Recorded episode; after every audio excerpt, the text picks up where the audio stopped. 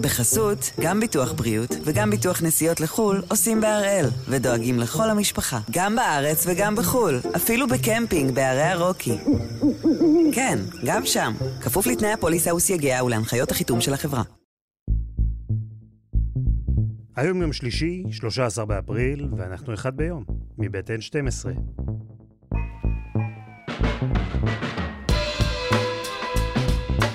אני אלעד שמחיוף, ואנחנו כאן כדי להבין טוב יותר מה קורה סביבנו. סיפור אחד ביום, כל יום. יום אחד קיבלתי והבאתי את ההקלטות של, אה, של משה קצב, מדבר עם אורלי רביבו, ושיחה שעניינה אה, עניינים מיניים, נפלתי. אמרתי לעצמי, זהו, זה לא יכול להיות דבר דומה שנשיא מדינה מדבר ככה. ואז קיבלתי את ההקלטות של הרב מצגר, מנסה ממש לשבש את המשפט ומתחנן לעוזר האישי שלו שלא יהפוך לעד מדינה ומבטיח לו הבטחות. ואמרתי, די, רב ראשי, אין, לא, לא יהיה כזה דבר. ואז הבאתי את ההקלטות של אולמרט עם שולה זקן, ראש ממשלה, יושב במכונית וסופר שטרות לשולה זקן כדי שלא תעיד. אמרתי לעצמי, זה שיא השיאים. ואז שמעתי את ההקלטות של תיק 2000, ונפלתי. אמרתי לעצמי, בוא הנה, ראש הממשלה, האיש הכל כך מתוחכם הזה, הכל כך זהיר הזה, ונוני מוזס, שכל מילה אצלו מדודה, שהעיד בעצמו שהוא קובע פגישה, כותב את הפגישה על נייר, בעיפרון, ומוחק אחר כך כדי שלא יישאר תיעוד. השניים האלה, ראש הממשלה הקליט את עצמו, מבצע לכאורה עבירה פלילית, והשאיר את ההקלטה הזאת אצל, אצל ארי ארו בטלפון. זה, זה נשמע לך הזוי.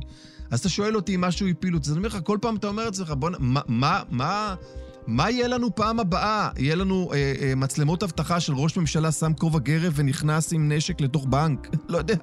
אתה, אתה כל פעם אומר לעצמך, המציאות היא באמת עולה על כל דמיון. ישראל נמצאת במצב חדש, מצב חסר תקדים עבורה. זו מציאות שמעטות מאוד המדינות שנתקלו בה קודם, מציאות שבה ראש הממשלה המכהן הוא גם נאשם במשפט מתנהל. מה שהתחיל כמגה חקירה הפך למגה תיק, שהפך למגה משפט, ובעצם למגה קרב בין ההגנה על התביעה, בנתניהו, לפרקליטות. וזה קרב שלא מתנהל רק בחזית אחת. אז הפעם, על המערכה שמתרחשת מחוץ לבית המשפט. אבל רגע אחד קודם, על מה שמתרחש בתוכו.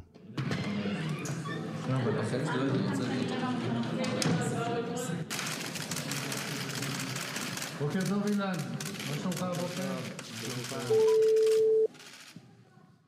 הלו. יובל, מה העניינים? שמחה יוף. אהלן אלעד, מה שלומך?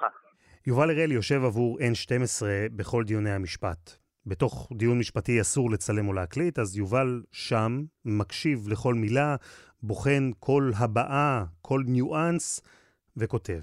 כן, אני פה בבית המשפט המחוזי בירושלים, ממש אה, לפני זמן קצר הסתיים הדיון, זה הדיון ההוכחות הרביעי במשפט אה, של ראש הממשלה. תספר לי קצת מה, איך זה מתנהל. אתה מגיע בבוקר, אתה נכנס לבית משפט, איך זה נראה? אנחנו נמצאים בקומה התחתונה, בעצם יש מין אה, שידור במעגל סגור, ואנחנו רואים בעצם את מה שמתנהל באולם של המשפט, שזה האולם הגדול יותר, שתי קומות למעלה.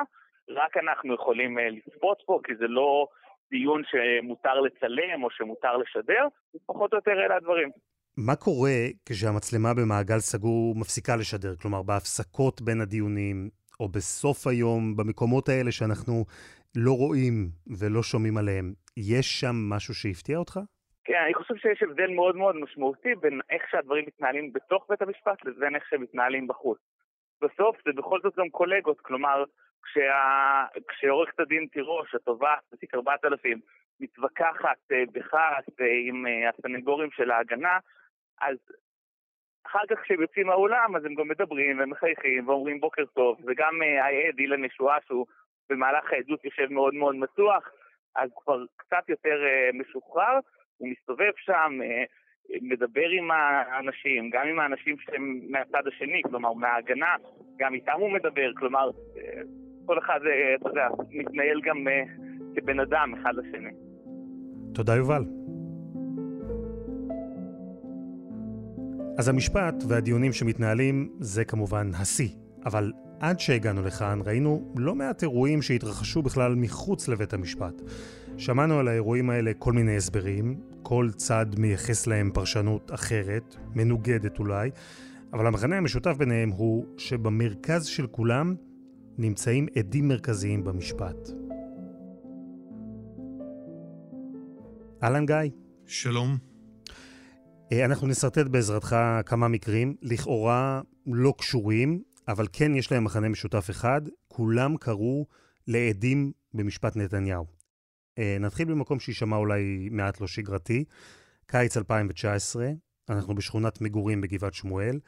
ג'יפ כהה עוצר על מדרכה, מחוברת אליו אה, עגלה נגררת שמכוסה בפסוקים צבעוניים מהתנ"ך. מהרמקולים שלו יוצא מסר מאוד ברור לאחד הדיירים במקום. מומו, תהיה גבר! צא, תגיד את האמת.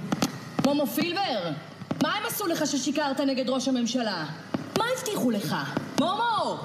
השמאל משתמש בך כדי להפיל את הליכוד! והדייר הזה הוא uh, שלמה מומו פילבר, uh, מי שהיה יד ימינו של נתניהו, מנכ"ל משרד התקשורת תחתיו, האיש שלפי הפרקליטות סייע לנתניהו בקשרים הפסולים לכאורה מול בני הזוג אלוביץ', הבעלים של וואלה ובזק. מה קרה שם באותו יום קיצי בגבעת שמואל? תשמע, מגיע אוטו אה, עם רמקולים לביתו של אה, עד המדינה מומו פילבר, שכולנו יודעים שגם בחקירה הוא אמר שהוא מעריץ את בנימין נתניהו, זאת אומרת שיש כאן עד שכבר בחקירה אמר ש, שיש לו אה, ייסורי מצפון בשל מה שהוא מבין שהוא מעולל לפטרונו ואדם שהוא מעריץ, ומשמירים ליד ביתו כל מיני שירים בגנותו. והחקירה מהר מאוד אה, הובילה לשני היועצים של ראש הממשלה, אה, עופר גולן ואוריך. ואז אומרים יועצי נתניהו, מה אתם רוצים? זה ניפוח. בסך הכל זה היה איזה אוטו של ברסלב שחנה שם והשמיע איזה שיר אחד או שניים. ואז אתה אומר, אולי באמת ניפחו את זה יותר מדי. אז אתה שם את האירוע הזה בצד. אז אנחנו שמים בצד את הסיפור של אה, פילבר ועוברים לעד מדינה אחר, ניר חפץ, גם הוא מקורב מאוד לנתניהו, גם הוא לפי כתב האישום היה מוציא ומביא עבור ראש הממשלה, והסיפור של ניר חפץ אה, מתחיל בכלל בתחנת משטרה, בתרגיל חקירה מאוד בעייתי. הטענה הזאת עוסקת בזימונו של חקירה של אדם שאיננו קשור כלל ועיקר לתיק 4000, בתירוץ מתירוץ שונה, ואז במהלך חקירה הוא נשאל שאלות מביכות שאינן רלוונטיות כלל, וכל זה רק כדי להפעיל לחץ על ניר חפץ, כדי שיחתום על הסכם עד המדינה, ובעקבות הדבר הזה הוא אכן נשבר, מחליף עורך... אין חולק שהמשטרה עשתה לניר חפץ בחדר החקירות תרגיל לשון המעטה מכוער. נכון, אלא שכל השיח סביב התרגיל הזה היה בכלל אסור בפרסום. אסור היה להיכנס לפרטים שלו, אסור היה לספר מה בדיוק קרה שם. כל אדם שמכיר את עובדות המקרה מבין שצו איסור הפרסום הזה היה גם מידתי וגם מתחייב, כי אנחנו כמדינה, אנחנו לא רוצים להגיע למצב שעד יחשוב שברגע שהוא משתף פעולה, בין אם הוא עד רגיל ובין אם הוא עד מדינה, החיים שלו יירמסו לגמרי, והפרטיות שלו תיעלם לגמרי, ו- ו- ויהיה אפשר לעשות לו ולמשפחתו מעשים איומים. ולכן, אה, כל מי שמצוי בחומר מבין שצו איסור הפרסום הזה היה מתחייב. אז היה תרגיל, ויש צו, ולכאורה הסיפור לעת עתה גמור. אלא שאז מגיע טוויסט. והוא מגיע לא אחרת, אלא מאולם המליאה של כנסת ישראל. כאילו שבעידן הפייסבוק והטוויטר יש עוד משמעות לצווי איסור פרסום. ואז אתה רואה את שר, מי שהיה שר המשפטים, על דוכן הכנסת, חושף את, uh, את, ה, את המידע הרגיש שעליו הוצא צו איסור פרסום. ואז מביאים אישה צעירה, אישה צעירה שאין לה שום קשר לחקירותיו של ראש הממשלה, ושואלים אותה סדרה של שאלות חודרניות, פולשניות, על טיב הקשר בינה ובין העד. לאחר שסוחטים ממנה כמו מלימון את כל המידע, ואני מזכיר, היא איננה חשודה בדבר. הם מפגישים ביניהם במקרה במסדרון ואומרים לו, ניר, אנחנו יודעים הכל, אנחנו נפיל המשפחה שלך פצצה.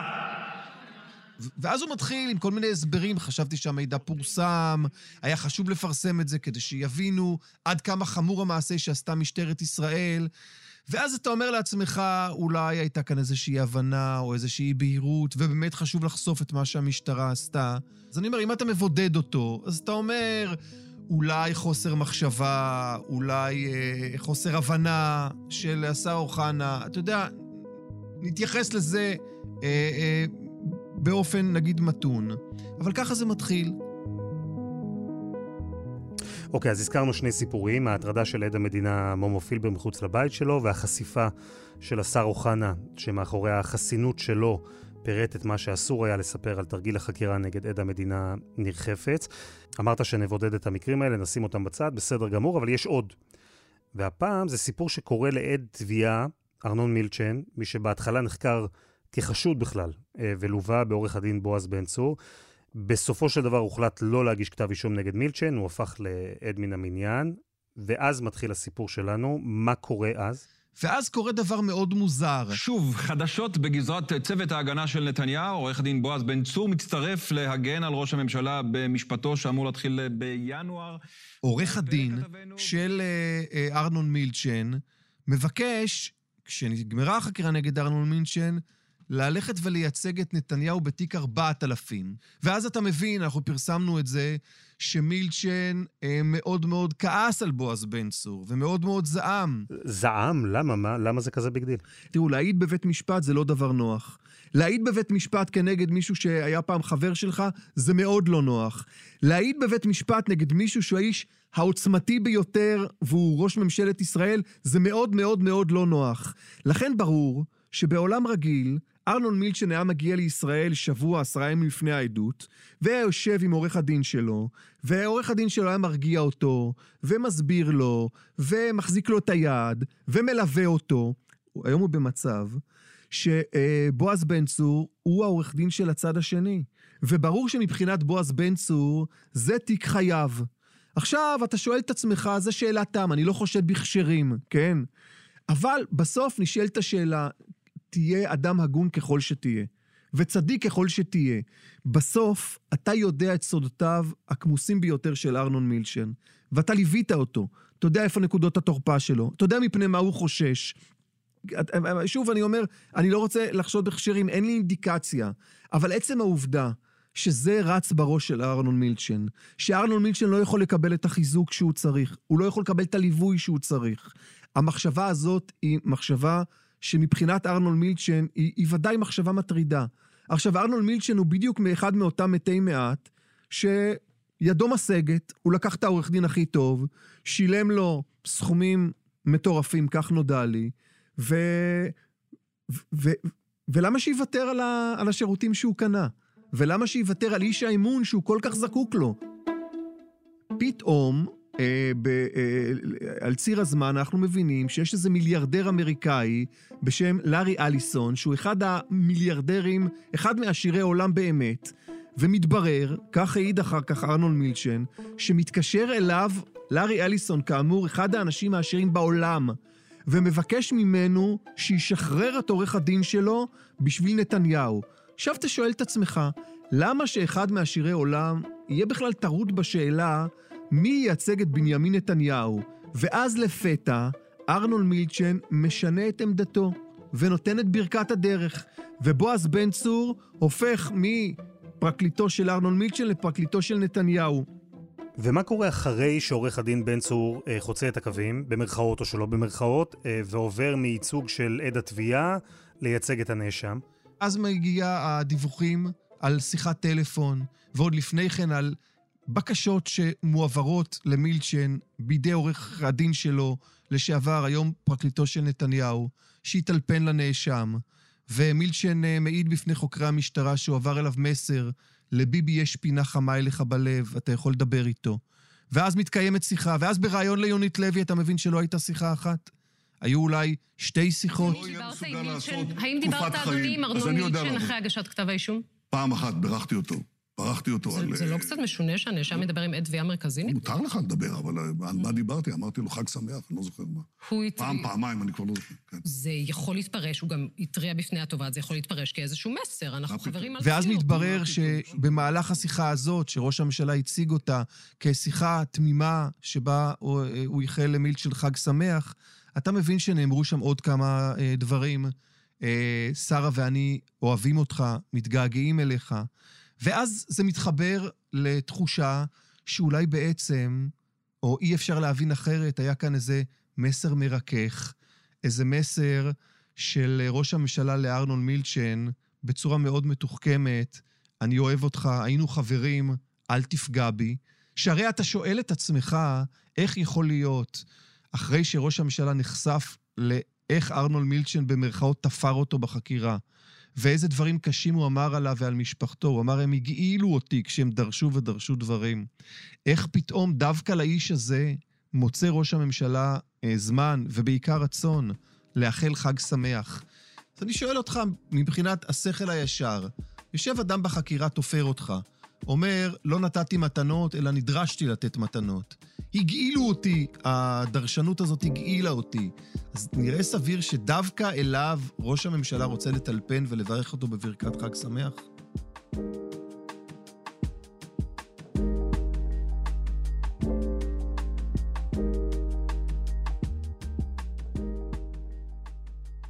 אז בנוסף למקרים האלה רק נזכיר עוד אה, שני אירועים קטנים.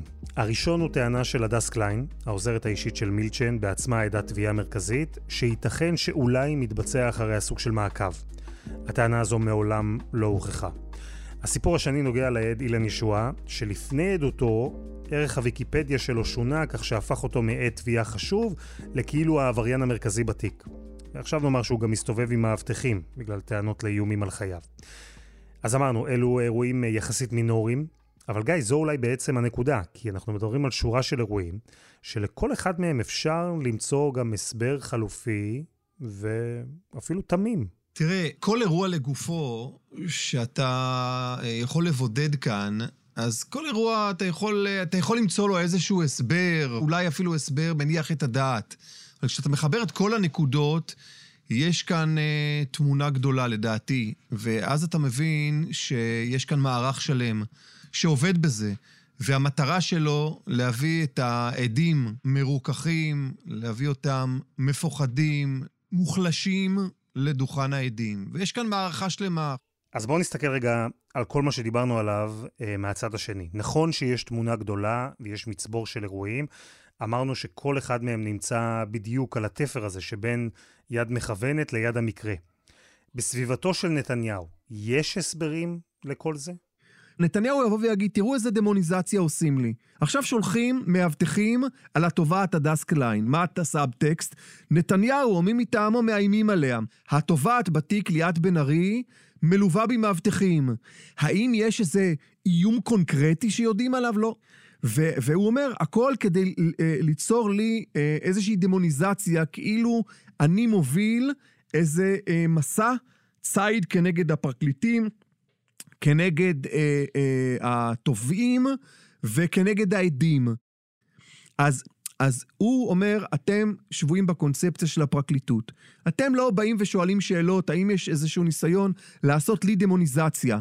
ו- ולהעצים את, ה- את, ה- אמ, את הטענות ש- שמופנות כלפיי, כאילו שאני עומד באיזשהו ראש ארגון פשע. אז נתניהו יכול לבוא ולומר שבתיק שלו יש 333 עדים, ובוא נזכור מי העדים. גלעד ארדן, שגריר ישראל באו"ם, הוא עד תביעה מאוד מרכזי נגד נתניהו בתיק 4000. היעלה על הדעת שראש ממשלת ישראל לא יוכל לדבר או להגיד חג שמח אה, אה, לשגריר ישראל בוושינגטון?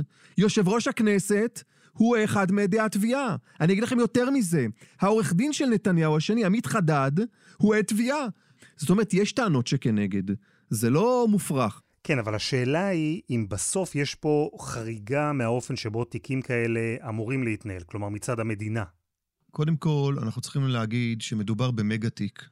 במגה תיק. ובשנות חקירה. וב...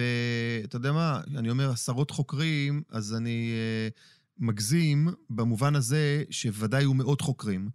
ושלא חקרה יחידה אחת, אלא כמה יחידות, ולא חקרה רשות אחת, אלא כמה רשויות. בזה צודק אה, הנאשם נתניהו. מדובר במגה תיק, ובתיק הזה יש 333 עדים, ולתיק הזה היו הרבה מאוד הסתעפויות שיכלו ללכת בהם, ועצרו, כי רצו בסוף שהתיק הזה גם יתנהל ויישמע. אז קודם כל, אני לא מכיר תיק בכאלה סדרי גודל, ש, שאי אפשר אה, אה, למצוא טעויות ומחדלים. להגיד לך שבתיק הזה מחדלי החקירה אה, הם אה, חריגים במיוחד, לא הייתי אומר. יש כאן מערכה, יש כאן טענות. חלק מהטענות הן טענות ש, שיש להן מקום. מה המשקל של הדברים? בית המשפט יקבע. האם במגה תיקים כאלה אמ, נפלתי מהכיסא כששמעתי ש, שבוצע תרגיל חקירה לא לגיטימי? לא. בין אם זה מכוון או צירוף מקרים, אנחנו מדברים על שורה של אירועים שהעדים נמצאים במרכזם. וזה קורה כמובן בתוך מסגרת גדולה יותר של קרב בין שני הצדדים, הצד של הנאשם, הצד של התביעה, ראש הממשלה במקרה הזה, לפרקליטות. בסוף, העדים, בטח עדי המדינה, הם נמצאים במרכז. הדס קליין היא אדם פרטי. ובסוף, אה, אילן ישועה הוא אדם פרטי. שאתה יודע, ארנון מילצ'ן הוא מיליארדר, והקריירה שלו היא בלוס אנג'לס. אבל אני חושב דווקא על העדים הקטנים, שברגע שיגמר המשפט הזה, אה, הפרקליטות מלווה אותם עכשיו, אבל ברגע שהם יורדים מן הדוכן, הם חוזרים לחיים הפרטיים שלהם, למלחמות הפשוטות שלהם על הפרנסה, במלחמות שלהם על השם הטוב שלהם ברחוב. אני למשל אה, שומר על קשר עם מי שהיה עד המדינה נגד אריה דרעי לפני הרבה שנים. האיש הזה, אה, יעקב שמולביץ, האיש הזה אה, עד היום, עד היום, הפצעים אצלו פתוחים. מדוע? הוא פעם אמר לי, הוא אמר לי, אף פעם הם לא יעזבו אותי. אמרתי לו, למה, שמולביץ? מה זה מעניין מה היה במשפט דרעי לפני 20 שנה? הוא אומר, הם תמיד יחפשו, גם בעוד 15 שנה, הם תמיד יחפשו אותי, כי אם הם יחשבו שהם מצאו אותי, הם יגידו, אתם רואים? בגלל האיש הזה, השקרן, הרמאי, הרשיעו אז את אריה דרעי, סתם הוא ישב בכלא. זאת אומרת, התחושה, אני נותן את התחושה של העד, שהמצור אחריו והמצוד אחריו נמשך. אחרי שכבר התובעים פרשו ועזבו והקצינים התחלפו, והם נשארים עם המלחמות האלה שלהם. ולכן להם אני דואג, והם החוליה הפריחה. בסוף, ניר חפץ, כן? מה הוא יודע? הוא היה עורך שלי בידיעות אחרונות. מה המיומנויות של האיש הזה? הוא בן 50 ומשהו. הוא איש תקשורת, הוא יחצן. הוא לתקשורת לא יחזור. מי יעסיק אותו כאיש יחסי ציבור? איך הוא יפרנס את המשפחה שלו? מה יהיה עליו כשהוא ירד מהדוכן? אז עכשיו העיתונאים מקרקרים סביבו כי, כי רודפים אחרי הרעיון הגדול עם ניר חפץ, אבל בסוף ניר חפץ ימצא את עצמו אוטוטו בגיל 60, בלי פרנסה, בלי כבוד, ו... די בודד בעולם, הייתי אומר. כלומר, הם החוליה החלשה, זה מה שאני רוצה לומר. ולדעתך המשפט הזה אה, יגיע עד הסוף? הוא יתנהל כמו שצריך? תראה, מה הכוונה כמו שמשפט צריך להתנהל? כי, אתה יודע, הסדר טיעון הוא גם חלק ממשפט. אם נתניהו הולך עד הסוף, אז המתמטיקה היא מאוד פשוטה. 90% מהתיקים במדינת ישראל מסתיימים בהרשעה, והרשעה בשוחד משמע כלא. גם העבירה כאילו, כאילו הפחותה, נניח והיא זוכה משוחד, עבירת הפרת האימונים בשלושה תיקים, היא גם שולחת אותו לכלא. אז אני שואל אותך, האם, האם בסוף, ברגע האמת, נתניהו לא יבוא בדברים ויגיד לפרקליטות, אני, תורידו לי שוחד, אני אודה לא באישום אחד של הפרת אמונים, אלא באישום, אה, אה, אה, לא בשלושה אישומים של הפרת אמונים, אלא באחד. אה, בואו נסגור על רכיב אה, של ענישה מינורי, ודאי שלא כולל רכיב אה, מאסר, ובזה נגמור את העניין. אתה יודע, אני, אני בסוף ש... נתניהו עתיר זכויות, אדם בן 72, בטח הוא יהיה כבר אז בן 74. למה לא לקחת סיכון כל כך מטורף לגמור כמו אולמרט באגף 10 במעשיהו? זה, זה, זה לרגע נשמע אפילו לא מתקבל על הדעת. תראה, בכל אופן אני חושב שאפשר לומר שהמלחמה הזו שאנחנו רואים לא תואמת את הניסיונות מצד סביבת נתניהו לומר שהכל יקרוס כמו מגדל קלפים, שאין כלום ולא יהיה כלום. יש פה מאבק. אתה יודע, אנשים, אה, אנשים שנמצאים במצב המטלטל הזה, כשיש סכנה מאוד משמעותית, כשהם אה, אה, יישלחו למאסר ממושך, הם אנשים שנלחמים את קרב החיים שלהם. אה, שאל תקנו את הזכיחות של נתניהו, הוא מבין היטב את מה שאני אומר לכם, והוא ודאי אה, יושב עם פרקליטה ומבין שה, שהמערכה המשפח, המשפטית היא, היא לא תהיה טיול קל, אבל בסך הכל הכללי הוא מבין שבפניו מערכה מאוד מאוד כבדה מול פרקליטות גם נחושה וגם מוכשרת, וזה לא הולך לו להיות לו טיול קל.